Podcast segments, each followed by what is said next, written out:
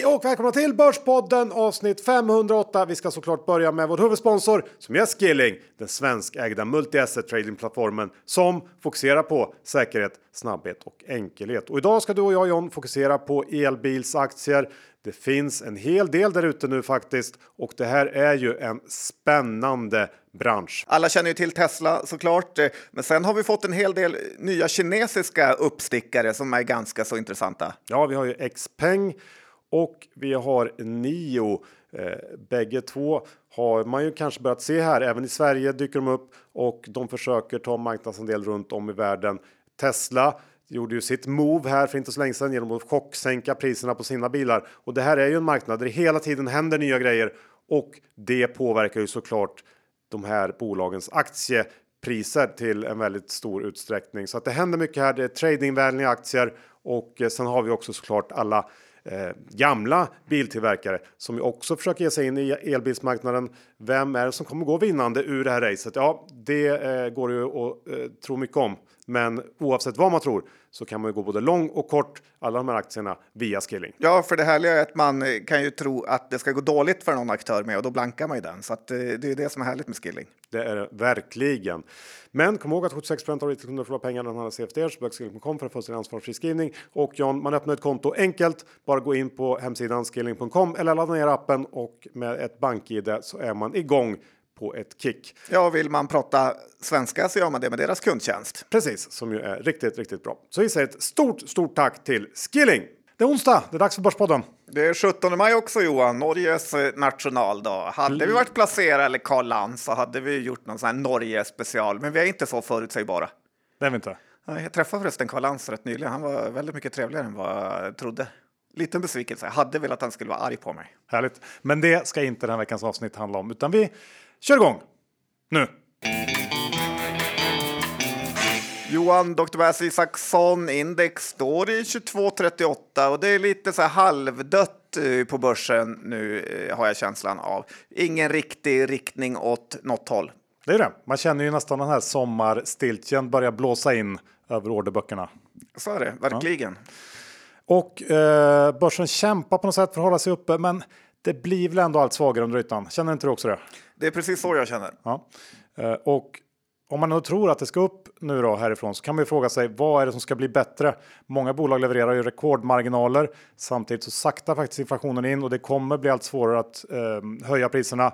Det kan ju snarare bli tal om att sänka och samtidigt så kommer volymerna att minska, det vill säga lönsamheten kommer ju med största sannolikhet att sjunka ifrån och det kan nog börsen börja prisa in från och med nu tror jag och under en period framåt. Så för mig så är det fortsatt det här gamla klokskapen sell in May and go away som gäller. Bättre lägen tror jag kommer att komma senare i år. Det är kort och koncist min syn. Ja, en sak som det snackas väldigt eh, lite om, men som kom upp i samband med Mekonomens rapport, det är ju att eh, det kommer vara en dag mindre nu i alla kvartal framöver, inklusive Q1 nästa år. Och det gör rätt mycket på lönsamheten för många bolag. Det har varit många sådana här arbetsgivarkvartal, men det är slut med det nu eh, ett helt år framöver. Och eh, ja, det är nästan ingen som har uppmärksammat det, men det brukar definitivt eh, slå igenom i böckerna och resultaten. För det är ju så att när man har medvind, då vill bolagen helst inte tala om det. Då är det deras egen skicklighet. Men när de har lite motvind, då kommer det komma jämförelsestörande poster på typ en dag mer eller mindre. Ja, men bra spaning tycker jag. Du, eh, har det någonting att göra med John Skogman-indexet? Eh, det tror jag inte att det Nej. har någonting som helst att göra med faktiskt. Men det var ju så att jag var i Göteborg i helgen och sprang det här Göteborgsvarvet. Eh, krossade Björn Rudell för övrigt. Tid? Eh, 1.41 fick jag. Eh, Björn då? Ja, 1.59 tror jag. Då. Just under den absoluta skamgränsen för att vara man. Eh, om han nu är det. Eller om han är pojke, jag vet inte. Men så här, varje gång jag är i en ny stad Johan, då kör jag det här. Känna igen John Skogman index. Är det charmigt eller? Nej, det är det inte. Ja, men ju fler gånger jag blir igenkänd, desto bättre mår staden. För då finns det många aktieintresserade som är duktiga på pengar och har aktier som... Fruktansvärt sjukt index. ja, men som har aktier som intresse. Och ju mindre jag blir igenkänd, desto mer är den här staden på dekis då, är i alla fall eh, min känsla och eh, John Skogman index. Och Göteborg slår ju nästan i taket i det här indexet. Det var massor med folk. Vad är, ville... är det liksom 0 till 100 i indexet? eller? hur, mäter man? Uh, jag mäter hur många personer som kommer fram. Okej. Ja, och eh, det var väldigt många som kom fram, ville ta selfies eh, eller bara heja på mig och snacka aktier och så vidare. Eh, och du kommer ju själv ihåg eh, när vi var på det här Pustervik i vintras med BB Trader, hur många det var som kände igen oss där. Ja, det stämmer ju. Ja, så att det, det har ju eh, verkligen nått Göteborg eh, faktiskt. Då, na, varje gång jag är där så känner jag nästan att det vore roligare att bo i Göteborg än i Stockholm. Eh, men en kul grej som hände vid nummerlappsutdelningen eh, så kom det fram en kille och ville ta kort och han sa hur bra BP var och så snackade vi lite aktier. Och eh, jag frågade då eh, vad han hade för måltid för loppet och då sa han att eh, han tyckte att man egentligen borde dela sluttiden med ens vikt. Eh, för att eh, ja, då skulle han få ett väldigt bra resultat. Och då sa jag, eh, det skulle räcka med att du kom i mål då, så skulle du vinna. Min fru som stod bredvid frågade då sen hur jag mår som människa. Där en kille kommer fram och öser beröm över mig och så blir han totalt roastad.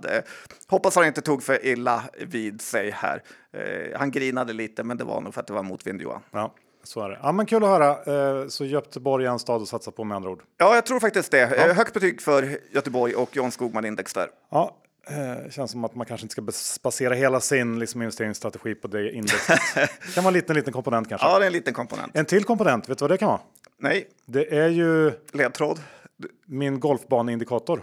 Alltså, Ja. från Marbe- Marbella. ja, jag var ju nere i Spanien en sväng förra veckan.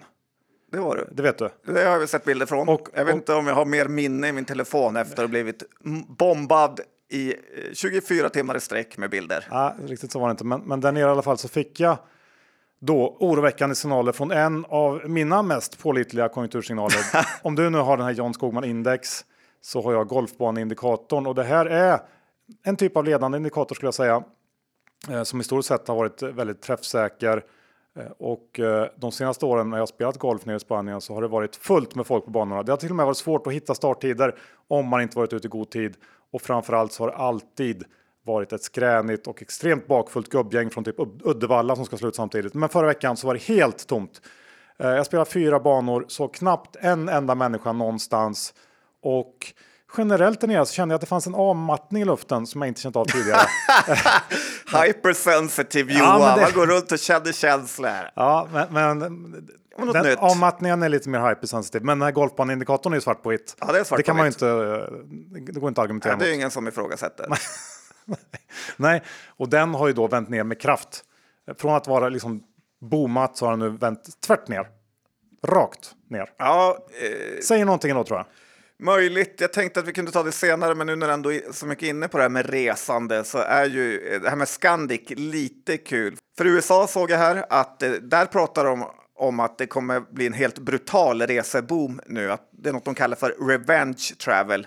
Eh, jag gissar att det syftar på något sjukare. Eh, men så här att man ska ta igen eh, semester för två, tre förlorade år. Och vi i Sverige har ju inte kanske samma känsla eftersom, ja, tittar man på dig så har ju du flygit eh, fram och tillbaka över Europa här, du, just med ditt eh, liksom pendlarkort till Marbella. Eh, men det är nog möjligt att Sverige kan gynnas av att vi kommer få en hel del mer eh, turister. Eh, Scandics vd var ju själv ute i DI och pratade om att eh, det inte fanns ett endaste familjerum ledigt i sommar och eh, verkade ju fått så mycket FOMO på sin egen intervju att han köpte 30 000 aktier mellan intervjun och att den publicerades. Eh, hyfsat nöjd med sig eh, själv där. Ja, det kan man säga. Också en lite annorlunda reseindikator jämfört med Johans Nej, jag tycker de går väl hand i hand. Det är klart att Scandic gynnas väl av att, att färre åker utomlands kanske. Och mer semestrar hemma. Ja, det var inte så jag tänkte. Jag tänkte mer att utlänningar revenge reser hit. Ja, det är möjligt att de gör. Inte vet jag. Det är klart, det är billigt här. Och dyrt för svenska utomlands. Hur var prisnivån i Marbella då? Nej, det är dyrt. Det är dyrt. Ja, som vanligt. Du eh, har ju sålt aktier du John. Det har jag gjort. Johan. Ja, ganska mycket aktier den sista tiden här just eh, För att jag tror mycket på den här tesen vi var inne på i inledningen om att kanske börsen eh, står högre nu än vad den kanske kommer göra eh, framöver. Men det är också en, eh, liksom, den extremt mest rådande eh, tesen just nu. Alla tror ju på det här, att eh, börsen ska gå ner och vi kommer få en orolig sommar. Det finns inte en, en endast intervju man läser med någon där någon inte säger eh, det här. Och det slog mig kanske att man ska tänka helt tvärtom då, att vi kommer ha en jättebra period framför oss. Och jag fick faktiskt en så ultra level 1-tanke eh, som det eh, snackas för lite om, Johan. Jononomics. Ja, vad är det? Ja, det är ju att det här med att en hög ränta är kanske egentligen väldigt bra för ekonomin. För, det här låter ju ganska sinnessjukt, men att det finns ju mer tillgångar än skulder i världen. Eh, konstigt vore det annars. Och om då ränteläget går upp från 0 till 2, 3, 4 procent, eh, alltså kontrollerade räntenivåer och inte Argentina, mm, Turkiet nivåer, så innebär det här att vi får ju lite gratis tillväxt eh, då pengar förökar sig automatiskt igen. Eh, noll och minusräntor användes ju för att just få igång ekonomin och kanske har det fungerat. Ja, det är möjligt att det gäller en del, men det finns väldigt mycket eh, icke produktiva tillgångar som inte tjänar på det här på något sätt. Ja, så är det. Så man får väl dela upp det lite. Men det, det var en krånglig tanke som vi lämnar ganska snabbt känner jag och går över till något mycket, mycket roligare och det är ju ICA-gubbarnas eh, härva. När Ja. de skulle berika sig själva ännu mer. Ja, men det här var ju verkligen en crowd pleaser. Att det var 18 personer va, som blev eh, åtalade här för eh, insiderbrott i Ica och det finns ju inget mer folket vill än att de här Ica-handlarna eh, som är oförtjänt rika ska få skaka lite eh, galler. Ingen är missnöjd med det, men en sak eh, ska man veta om såna här så kallade härvor som media skriver. Det är att massor av de här kommer att bli frikända för en klassisk åklagartaktik är att åtala många fler än man vet att man har chans att fälla för att just skapa den här känslan av att det är en jättestor insiderring. Eh, eftersom jag följt EBM i många år nu så vet jag att det är exakt så här det fungerar och jag tycker man har sett det i många andra åtal med. Man lite chockeras över vilka åtalspunkter eh, EBM ger sig på för att skapa en story. Jag kan i alla fall sätta rätt mycket pengar på att definitivt inte alla av de här kommer bli fällda. Nej, verkligen. Känns som två, tre stycken stalltips. Ja, stalltips. Ja. Du, eh, som en fortsättning på den här golfbaneindikatorn så har jag funderat lite på eh, småbolagens utveckling. Vi har pratat ett tag om den svaga börsutvecklingen som småbolagen haft i år. Och efter nu då, några veckor av just småbolagsrapporter bakom oss så är det för mig i alla fall väldigt tydligt att de mindre bolagen generellt sett också är mer påverkade av konjunkturen än vad de stora bo- bolagen är. Eh, betydligt fler skrivelser i småbolagsrapporterna om hur marknaden försämrats under kvartalet.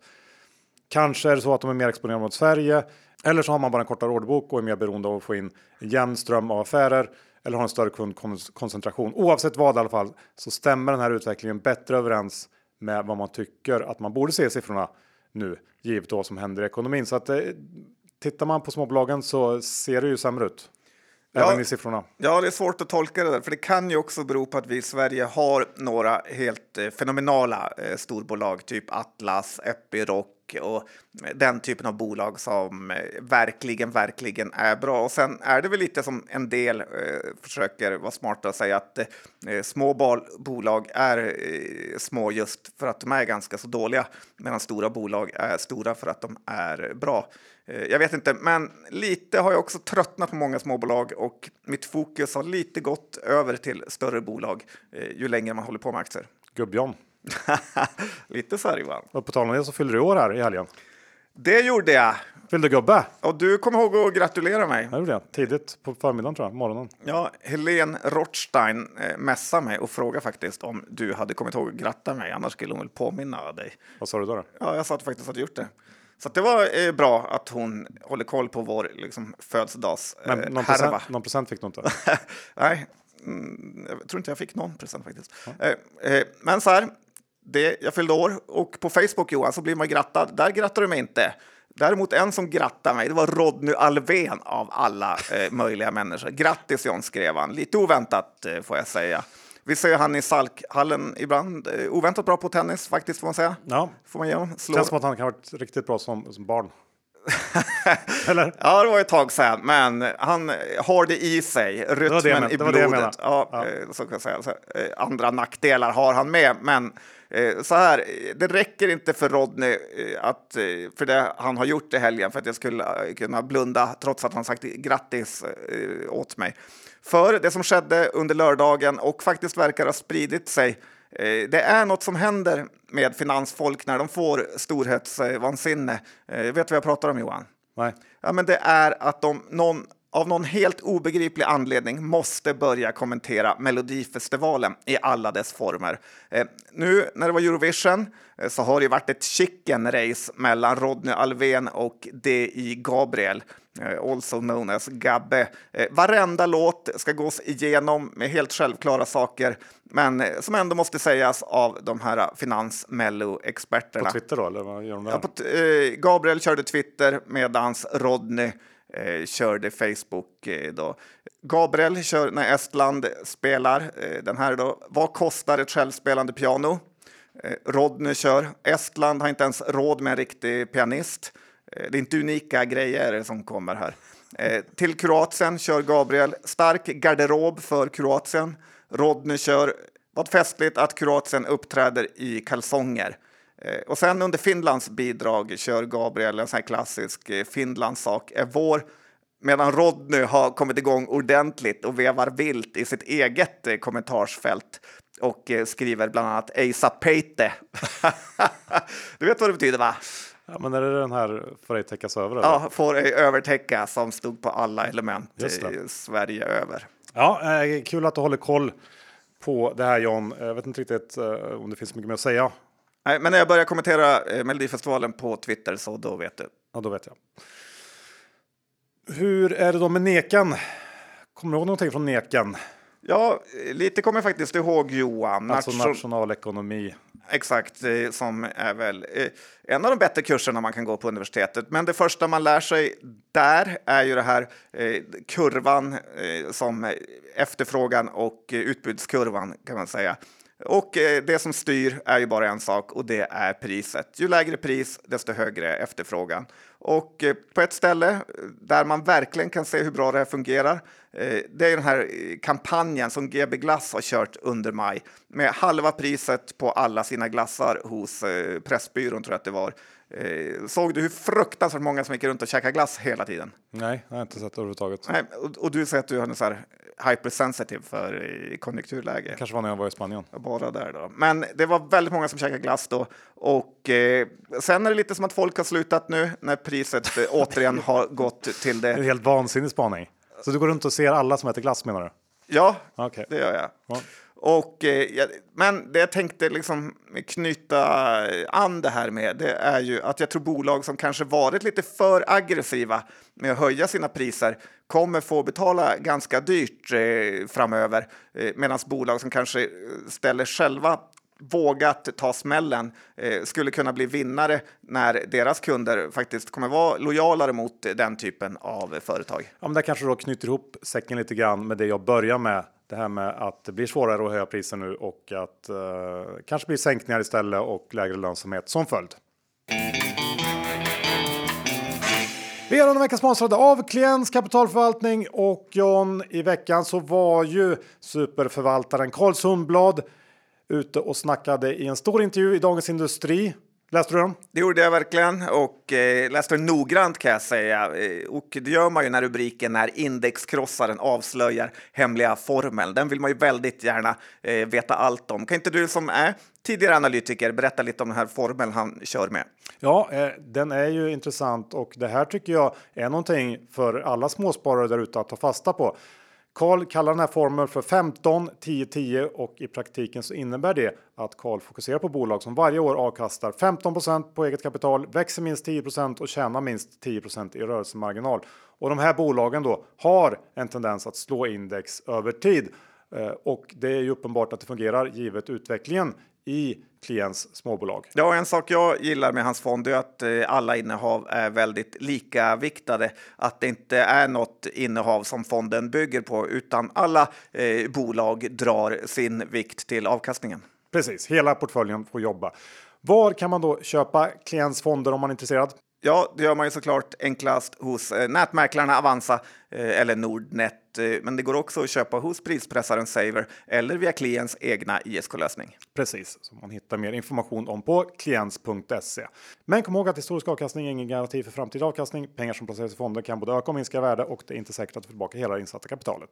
Och med det säger vi ett stort tack till Klients kapitalförvaltning. Som vi var inne på i början John så är det ju eh, småbolagen som rapporterar nu, men det gör ju inte det hela mindre intressant. Kanske tvärtom till och med. Verkligen, för att de är ju mindre genomlysta av eh, hundratals analytiker, utan det är mer som du, som du och jag som sitter och tittar på dem. Mm. Små hobbytyckare. Nej, men eh, det stämmer ju och det öppnar ju också upp för eh, mer lägen. Eh, jag tänker vi kan börja med Truecaller, ett bolag som vi ändå har följt hyfsat noggrant sen de kom in på börsen och de rapporterade förra veckan. Kanske var det botten vi såg i den här aktien i samband med eller under Q1 här. Jag vet inte, vad tror du? Om? Eh, jag har ju aldrig varit något riktigt fan av eh, Truecaller, men ju mer man ser och ju mer värderingen kommer ner, desto mer intressant eh, blir det. Lite intressant var väl att den här Tom Jakobsson har kränkt ut väldigt mycket aktier. Han som var så säker på att aktien skulle eh, dubblas eller vad det var och eh, ja, han skyllde på att de hade i princip sponsrat AIK, han är djurgårdare. Lite underlig eh, förklaring. Ja, också han la väl till något kryptiskt om att man kan äga på många olika sätt också. Jag vet inte vad som har hänt där. Och hur tolkar du det då? Ja, men att han kanske kan äga via någon annan typ av lösning, bolag, inte vet jag. Fond. Ja, så kan det vara. Ja. Hur som helst så bygger ju inte det här på om Tom Jakobsson är med eller inte. Jag såg han på Sturehof faktiskt eh, förra veckan. Ja. Såg ut som en liten så här eh, boxare. Ja, han är väl det också. Okej, okay, ska jag hålla mig undan. Kampsportare. Ja. ja, jag tror du ska göra det. Men om vi lämnar honom och fokuserar istället på Truecaller så var, tycker jag, Q1 faktiskt eh, rätt bra givet förutsättningarna. Eh, det första kvartalet är säsongsmässigt svagast. Förra året så hade man också medvind från den här indiska cricket-säsongen under en del av Q1 och det, det ger faktiskt mer än vad man tror. Eh, värt att ha med sig är att den infaller eh, i år enbart under Q2 så det kommer bli en liten boost där istället. Eh, det är sjukt att det är sådana grejer man måste hålla reda på. Ja, och att annonsintäkterna skulle komma in lägre, det har ju bolaget varnat för. Priserna på annonser har sjunkit drastiskt sen höstas och det gör ju att även om den underliggande affären i Truecaller växer, alltså det blir ju fler och fler användare hela tiden, så gör ju de här lägre annonspriserna att intäkterna sjunker. De var ner 3% mot förra året. Men jag tycker att så länge användartillväxten fortsätter att takta på, vilket den gör då, eh, så är inte det här så mycket att bry sig om. Dessutom eh, så uppvisar ju bolaget en väldigt fin kostnadskontroll.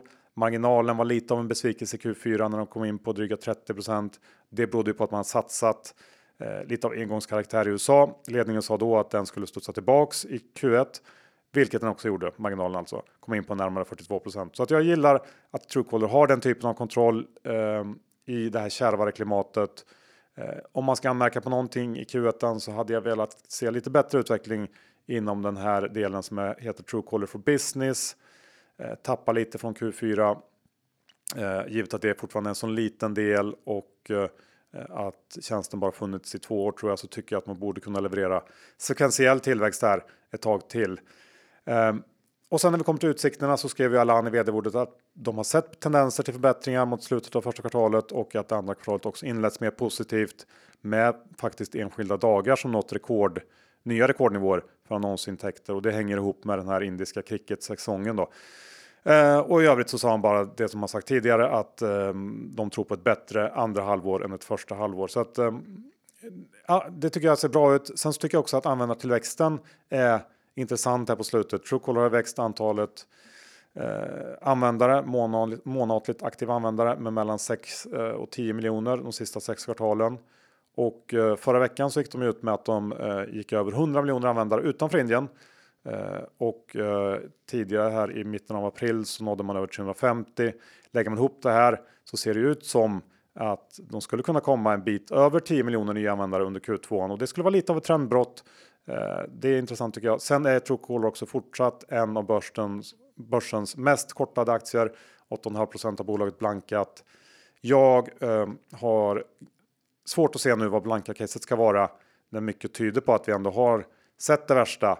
Eh, så att jag många intressanta aspekter av den här aktien nu. Möjliga grejer man ska hålla koll på är ju om någon av de här eh, stora riskkapitalfonderna väljer att eh, placea eh, aktier igen, för de äger fortfarande mycket.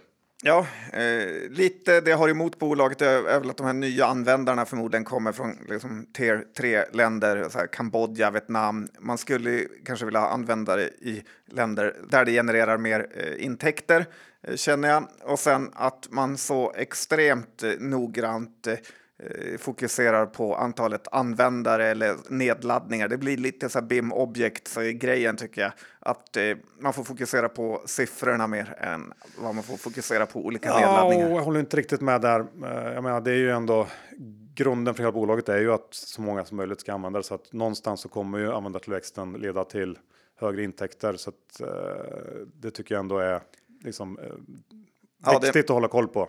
Och sen känner jag också att man skulle verkligen vilja öppna ett eh, bettingbolag i Indien för hur otroligt viktig den här cricketsäsongen verkar vara för dem. Att det finns mycket pengar att tjäna där. Ja, det är det många som vill, men det är väl inte en reglerad marknad än, utan eh, när det kommer så kommer ju säkert många att vilja ge sig in där. Finns säkert vissa som redan är där på lite halvsniskan. Ja, kan jag tänka mig. Ja. Du, men, men det var i alla fall om Truecaller. Spännande rapport. Jag äger aktier och uh, tycker om det här bolaget. BP Västkan har också lurat in lite. Det känns som, som liksom ett av börsens mest underskattade bolag om jag ska välja. Ja, möjligt. Men Många som tvivlar på det. Sen skrämmer det mig lite med att blankarna inte är så dåliga som man tror, utan de har nog en poäng också, kanske. Eh, kanske. Vi får se. Ja. Du, vi går över till det här projektet som Lundinarna håller på med, Orrön. Ja, eller Orron som det heter i folkmun för att det är liksom eh, kortnamnet där. Och det här är ett bolag som Börspodden haft eh, lite varningsflagg för, eh, särskilt när det var superhypad. Och igår kom den ju med en ganska så usel rapport som inte alls motsvarar marknadsvärdet, även fast den redan fallit eh, kanske 70 procent från toppen. Men alla lyssnade inte när BP varnade eh, för de galenskaperna. 45 eh, 000 sparare eh, bara på Avanza ligger toksnätt här och eh, det man äger i Orrön är ju i princip eh, Slite vind och rättigheterna eller skyldigheterna till en folkmordsrättegång i eh, Sudan där. Jag vet inte riktigt vad rättigheterna skulle vara där. Nej, kanske filmrättigheterna, jag vet inte. Nej, men imponerande proffsigt hur Lundinarna bara kunde flytta över sitt bolag och pengar i det här norska Acker och eh, lämna kvar ett eh, förhoppningsbolag med svaga och Eh, lite publikfriare eh, gröna intentioner. Och sen så den här jättehärvan eh, med Sudan-rättegången och sen försvann man med degen. Nästan så att man kan tro att det har varit planerat. Men vad vet jag. Sen måste man också förvånas lite över hur småspararna verkligen dras till härvor. SBB, Orrön, SAS, Minesto senast är det väl Hexatronic och Castellum som har lockat in driver med småsparare.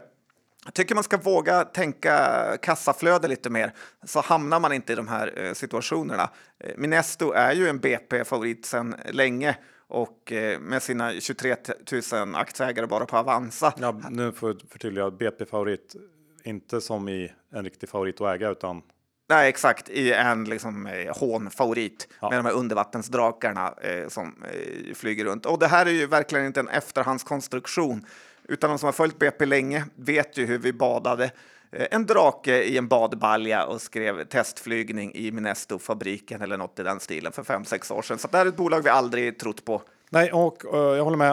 Uh, det här ska man ju vara lite försiktig med. Och om vi ska fortsätta på det inslagna spåret så funderar jag på om det är dags för mig att avsluta analysteckningen på CTEC. Vad säger du?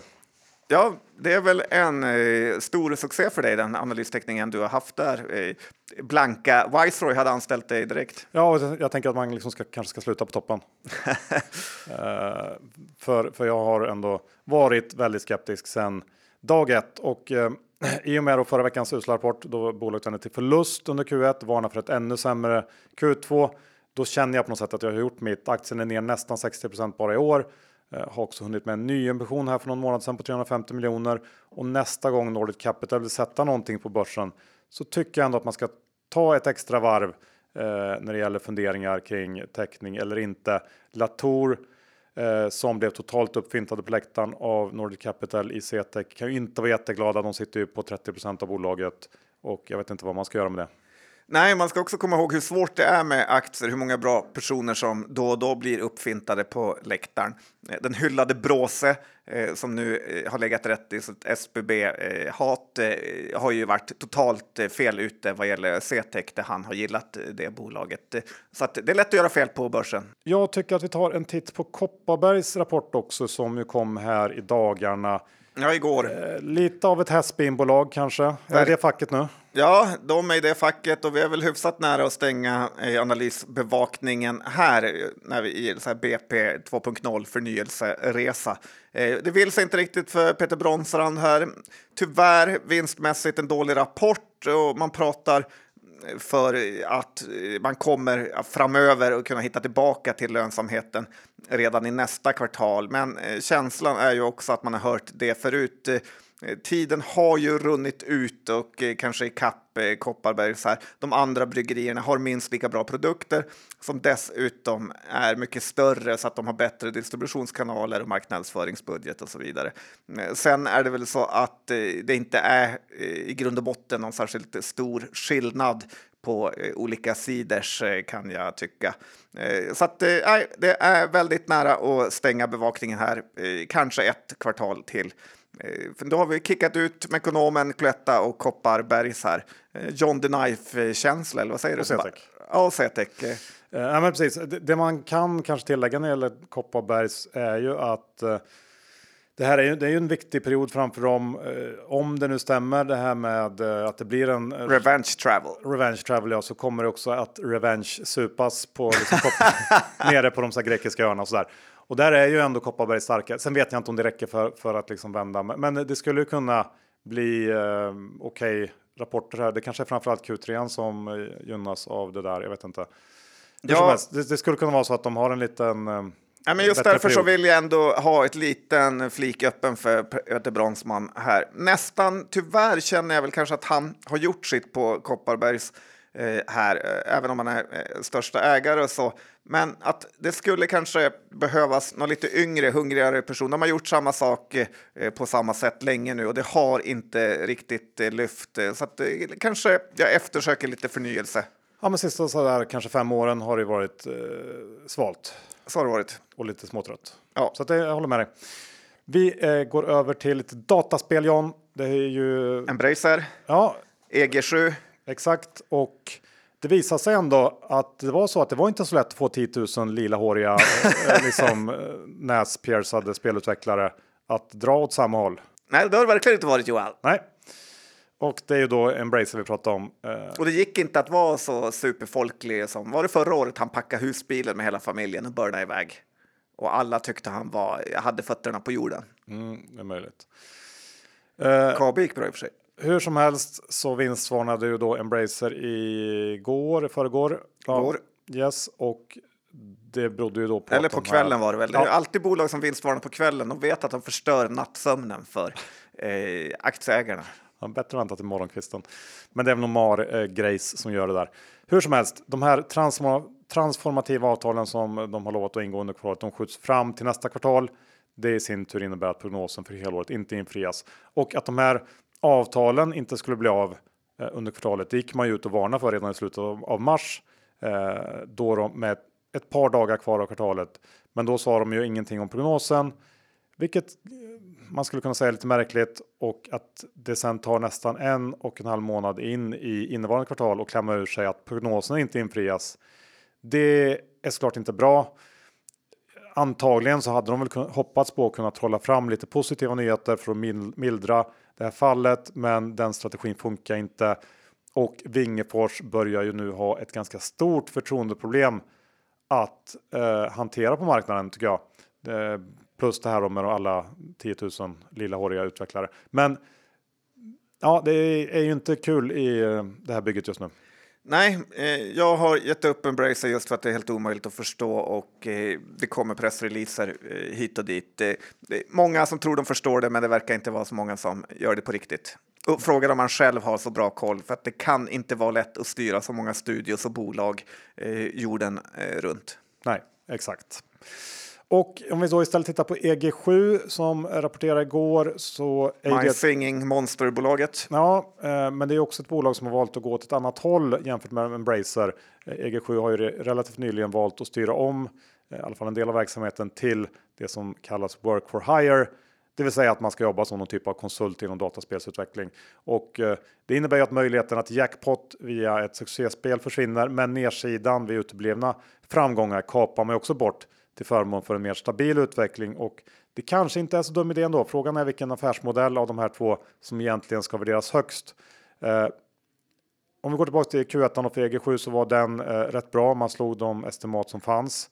Eh, och det var drivet av det här My Singing Monster spelet som fortsätter att gå bra även om det taktar av från de här högsta nivåerna eh, under vintern. Sen så gick EG7 också ut med en prognos här för helåret som nog var en liten besvikelse sett till förväntningarna eh, som fanns inför och eh, man hade ju kanske kunnat tro att det var ett försök att lowballa marknaden lite. Men EG7 gick samtidigt ut med siffran för april och den såg faktiskt direkt svag ut. Så skenat av den siffran så kändes prognosen snarare aggressiv än tvärtom. Lite svårt att få ihop tycker jag, eh, kommunikationen där. Eh, oavsett så ser bolaget billigt ut, men det gör ju väldigt många andra bolag i den här sektorn också. Eh, den här kommunikationsgrejen tycker jag är lite, den adderar lite osäkerhet. Eh, känns som att det kan finnas lite baktankar. Eh, får se om, om det kommer nya insynsköp eh, efter rapporten här som det gjorde efter förra rapporten. Jag har en liten post efter förra rapporten kvar. Sålde en del på den här rapporten för att jag orkar helt enkelt inte. Det är inte min typ av bolag egentligen. Jag hade hoppats på att det skulle hända någonting lite snabbare. Men... Och så har man väl de här ryska ägarna som man eh, tror kanske ska sälja. Ja, precis. Eh, från ett tidigare förare där som fick aktier. Så det, finns eh, lite både och i det här caset. Men det positiva är ju att balansräkningen är väldigt fin. Det är nettokassa, de tjänar massa pengar och låg värdering. Ja, är det... Sen är frågan vad som ska bli någon slags trigger för att driva upp där. En sak jag känner generellt är ju att när eh, småsparare eh, pratar om att ledningen lowballar Eh, så är det väldigt ofta att de inte gör det. Utan eh, om man får gissa på ett bolag highballar eller lowballar så är det väldigt ofta det, de highballar. Eh, om det finns något som ja. ens heter det. Men du förstår vad jag menar. Jag och sen lite totalt sett för vad gäller alla dataspel så känner jag att det här med AI är kanske det största hotet där. Att det finns väldigt stor chans att vi inte behöver massa spelutvecklare och studios utan att det istället kommer ha väldigt mycket nytta av AI som hittar på roliga spel. Det är väl lite i grunden att man har liksom spelat mot en dator. Eh, det var så det började lite grann, att man Fifa, en dum dator som gör samma sak hela tiden, så lär man sig överlista den och förhoppningsvis så kommer det nya eh, AI-datorer då som eh, liksom kan matcha och komma på nya idéer. Eh, och, det är inte alls omöjligt. Eh, så jag, jag, ja, orolig för den delen. Ja, vi eh, går över till bostadsbyggare istället, för det är ju en sektor som haft det riktigt tufft på slutet. Börjar det bli läge att toppa to doppa tårna John? Ja, men jag tror att det kan börja bli det faktiskt, att det är lite ljusning där och typ Bonava eller någonting kanske? Ja, men så här, egentligen började det ju för några veckor sedan här i eh, Sverige-Danmark när Carnegie satte köp på det danska huskompaniet som vi har pratat om någon gång i podden. En dansk eh, husbyggare. Eh, och nu har vi haft eh, BAS på hus och lägenhetsbyggande i ja, men kanske två år. Och, och det är absolut inte omöjligt att det börjar lukta lite köpläge nu. Eh, tittar man på den här amerikanska ETFen XHB som är en ETF för homebuilders så är den faktiskt upp 16 procent i år. Och USA brukar alltid ligga lite före. Eh, här i Sverige har vi ju bolag som har gått fruktansvärt dåligt inom den här sektorn. Eh, Bonava, Besqab och eh, ja, alla våra andra byggbolag, NCC, Peab och så vidare. Riktigt, riktigt dåligt har de gått. Vi såg ju här också utköpet av SBBs JM-aktier eh, som skedde och så har vi Doxa och Serneke-affären som eh, skedde till en rejäl premie här. Så att eh, om man verkligen... Den där typen av affärer är ju typiska liksom, saker som händer. I alla fall snarare i slutet av en nedgång eh, än början. Ja, verkligen är det ju så. Och eh, vill man köpa något som är hatat så är ju bostadsbyggare en sektor man faktiskt kan titta på. Ja, det är en bra take. Man kanske ska börja snitta in sig sakta men säkert i alla fall. På något sätt. Ja, i alla fall sakta. Ja. Säkert är det inte. nej, nej, kanske skulle ta bort den, det ordet. Men eh, hur ser det ut på C-rad-fronten då? Det... På, tal om, på tal om Björn Rydell, det är väl hans favoritbolag? Jag tror han gillar det faktiskt. Eh, och det här är ett bolag som jag också eh, börjat köpa lite aktier i sen med den senaste rapporten som jag tyckte var ganska bra. Och jag har lite svårt att förstå varför aktien går så dåligt. Och det gör ju en alltid rädd att det, det är något eh, man inte fattar själv. Eh, särskilt eh, som aktien gått så dåligt under en sån ganska lång period här. Eh, men när man kan utläsa av rapporten eh, av siffrorna då, så tycker jag att det ser väldigt eh, spännande ut. Det är bra orderstock, det är bra balansräkning. De är ju inom strålterapi som hela tiden fortsätter att utvecklas. Här. Man har lite problem med lönsamheten just nu, men man har en, också en hög bruttomarginal så att det här borde kunna gå att få ordning på eh, och något bolaget borde ha ganska stort eh, fokus på också. Så jämför man Serad med andra medtechbolag eh, så känns det ganska billigt tycker jag. Mm, jag vågar inte liksom ösa in här, men jag har en post i alla fall för att följa dem. För du har ju inte varit helt lyckosam i medtech-segmentet på slutet. Nej, men det har varit så att man håller sig lite ödmjuk till den sektorn. Det är mycket man inte förstår. Bull blev ingen succé. Det blev ingen succé. Nej. Det fortsätter vara en vad heter det, osuccé. Flopp får man nog säga. Ja, så är det. Du, ska jag också ta en liten kortis eh, kring eh, Catena Media? Eh, ja, men det vore kul. Och bägge eh, AFFE-bolagen på börsen rapporterar idag, både Catena Media och Betco Betco och, igår kväll eller? Ja, uh, precis. Men det, vi säger men du lägger det så tidigt. Exakt. uh, och uh, man får säga att det var lite skilda världar som vanligt. Catenas Q1 var ju fruktansvärt svag. Det var ju sig väntat och siffrorna verkar ha varit lite bättre än de få estimat som finns. Men aktien går ändå ner.